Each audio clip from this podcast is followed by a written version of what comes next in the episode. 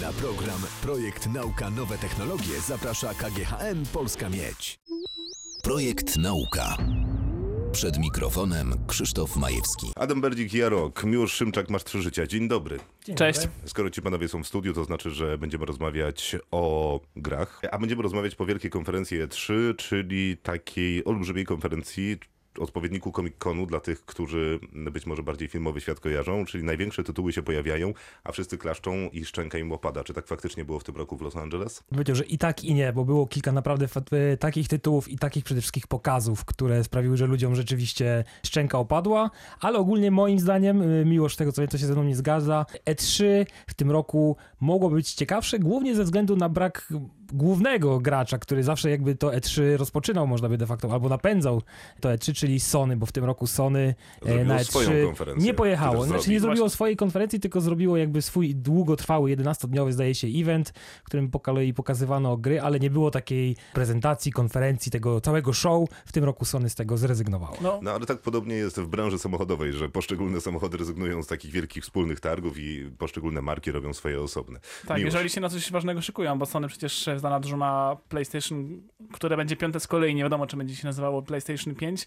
E, No i chyba też wychodząc z założenia, że skoro nie mają co pokazać, to tego nie pokażą, a oczywiście tych gier, które na PS5 się mają ukazać, to za bardzo pokazać nie mogą, więc e, w sumie wychodzi na to, że coś tam pewnie pokażą, ale nie na E3, pewnie nie w tej połowie roku, która się już zresztą kończy, ale pewnie jeszcze do końca 2019 o nowej konsoli od Sony usłyszymy, a z kolei na E3 swoje miejsce znalazło, znalazł Microsoft, który też wykorzystał tę okazję, aby właśnie co, troszkę tylko zajawić e, swój nowy sprzęt na przyszły rok. Skoro rozmawiamy o tej konferencji, to musimy porozmawiać o tym, co jest dla nas najważniejsze. Mówię dla nas, bo to w zasadzie patriotyczna duma, kiedy obserwuje się wielką, naprawdę znakomitą scenę tejże właśnie konferencji. Cała jest oklejona, obrędowana Cyberpunkiem 2077, czyli kolejną grą polskiego stu- studia CD Projekt Red, które odpowiedzialne jest za całą serię Wiedźmina dla tych, którzy tego studia nie kojarzą. No i kiedy widzimy to wszystko, tych wszystkich zebranych ludzi, gra muzyka, wszystko jest wspaniałe, światła, wychodzi Keanu Reeves i ogłasza mm, datę premiery tej gry, no to przyznaję, że mi opada, dreszcze i duma. No to chyba wszystkim na E3, bo nawet publikam się, publice się udzielały te emocje, ktoś tam wyskoczył krzesła, krzyknął You're breathtaking, breathtaking oczywiście do Keanu Reevesa, to już się stało takim On memem. odpowiedział, zresztą zaproponowano mu ekskluzywne wydanie tej gry, on zrezygnował, powiedział, że zamiast tego wolałby Płacili na jakąś tak. fundację, zdaje się, wspierającą e, jakąś chorobę, ja nie do końca wiem, ale chyba zdaje się, że jego siostra cierpiała albo nawet W zmarła. jakimś szpitalu była mowa. Tak, E, chyba było. chorobę. Zresztą y, to podzieliło internet. Część uważa, że to przesada, część uważa, że to jak najbardziej fajny ruch. Tak czy inaczej, CD Projekt Red zachował się wzorowo, no i wzorową miał, wzorowy miał występ na konferencji E E3. No przede wszystkim wydaje mi się, że użyli postać, e, czyli Keanu Reevesa, który teraz w internecie właściwie jest na topie. To jest uwielbiany facet, zwłaszcza po premierze Johna Wicka.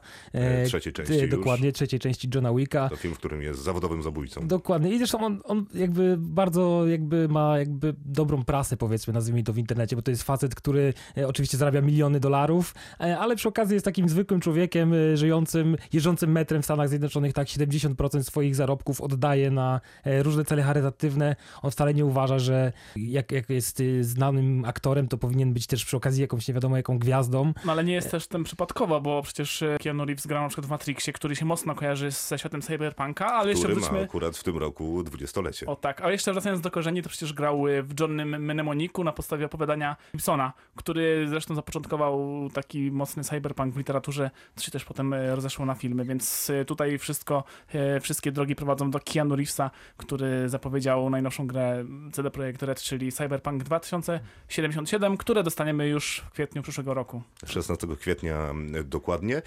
Y, Dla tych, którzy Cyberpunka nie kojarzą, to co byście powiedzieli o tej grze, poza tym, że to będzie wielki, otwarty świat w mieście przyszłości? No, CD Projekt Red bardzo nie lubi dzielić się te, z informacjami co do, co do tego, jak tworzy. Zawsze mówi, kiedy było pytanie wcześniej, kiedy premiera, kiedy premiera, kiedy będzie skończone.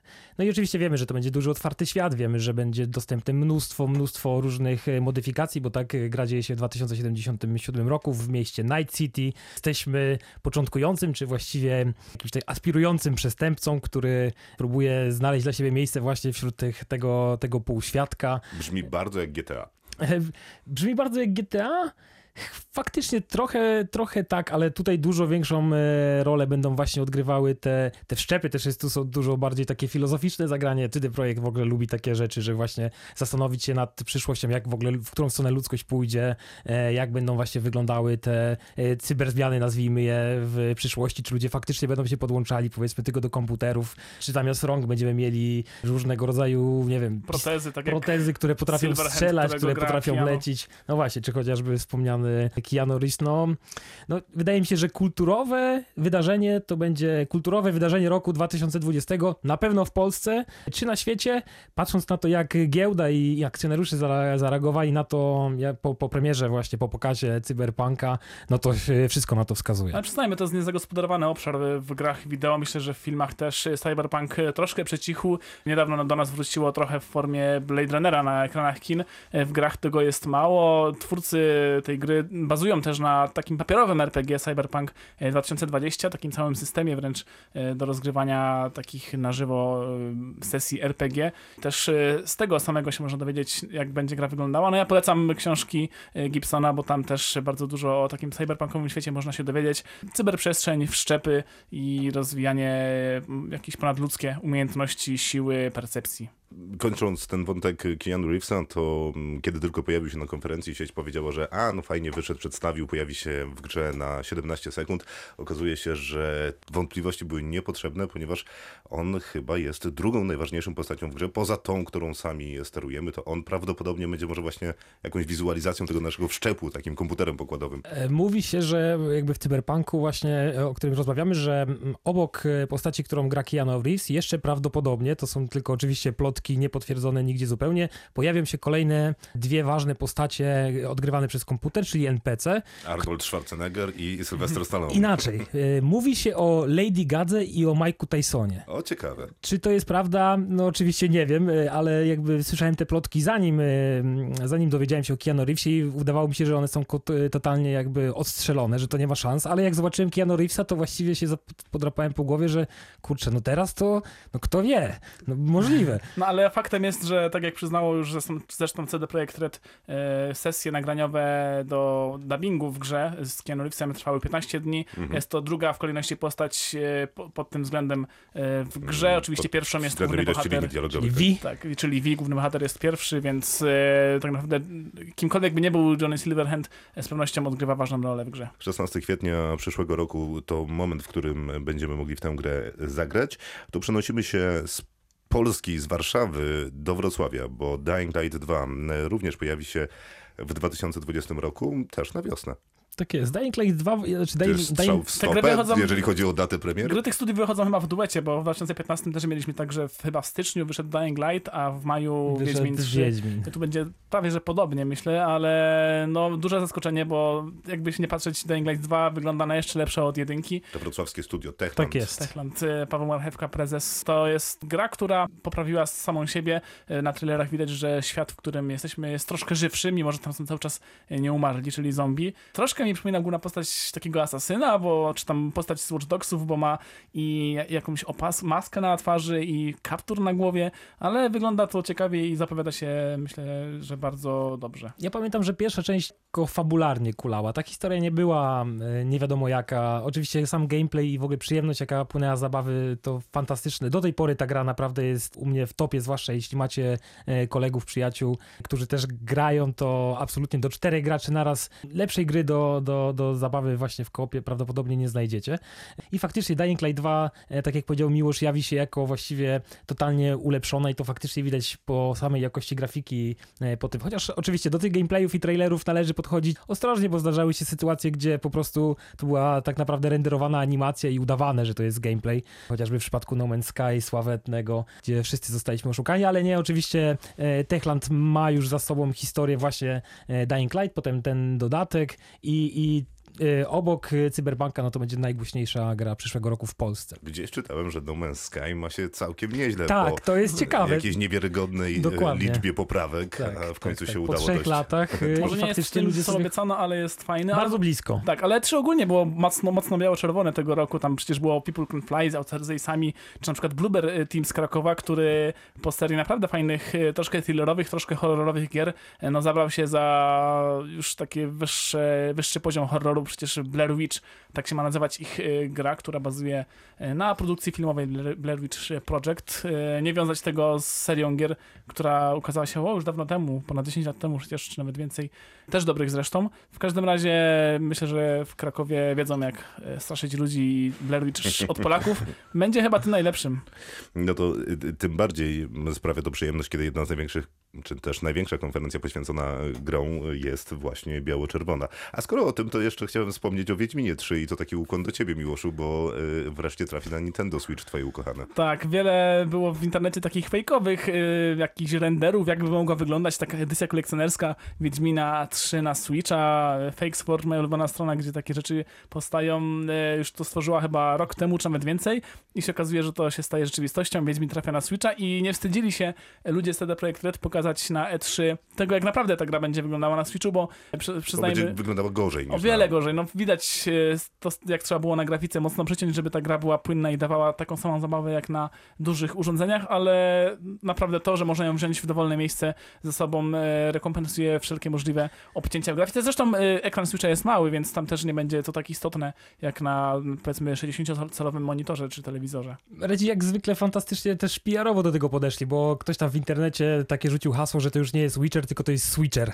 W związku z tym właśnie, że to jest na Switcha i Redzi bardzo szybko to podchwycili jako fajną nazwę i rzeczywiście też e, jakby zaczęło też funkcjonować w internecie, że o nie wychodzi Wiedźmin, tylko wychodzi właśnie Switcher i, i, jest szał wśród e, fanów Nintendo Switcha. Przejdźmy do dwóch marek, które są globalne i nazywają się e, Apple, a drugi nazywa się Google. Czy oni przygotowali coś na swoje głośno zapowiadane platformy growe? No Google e, ze swoją stadią e, pokazał między to, że Baldur's Gate 3, który w w ogóle o dziwo, że powstanie, nikt się tego nie spodziewał. Ja osobiście wychowałem się na tej grze, jestem zachwycony. W sensie nie na 3, oczywiście na 2 i 1, ale... Tak, przed wyruszeniem w podróż, ale w każdym razie. Zbierz E, drużynę. w każdym razie trójka powstanie i zapowiedziano, że będzie ona dostępna na platformie od Google'a. Zresztą podano więcej szczegółów na temat tego streamingu. Oczywiście wiemy, że w Polsce nie będzie dostępny przynajmniej nie na początku, więc e, ja sobie już odpuściłem e, resztę szczegółów, bo tam były plany abonamentowe, inne różne sp- sposoby na to, czy gry będą w jakimś pakiecie, czy będzie można je osobno kupować.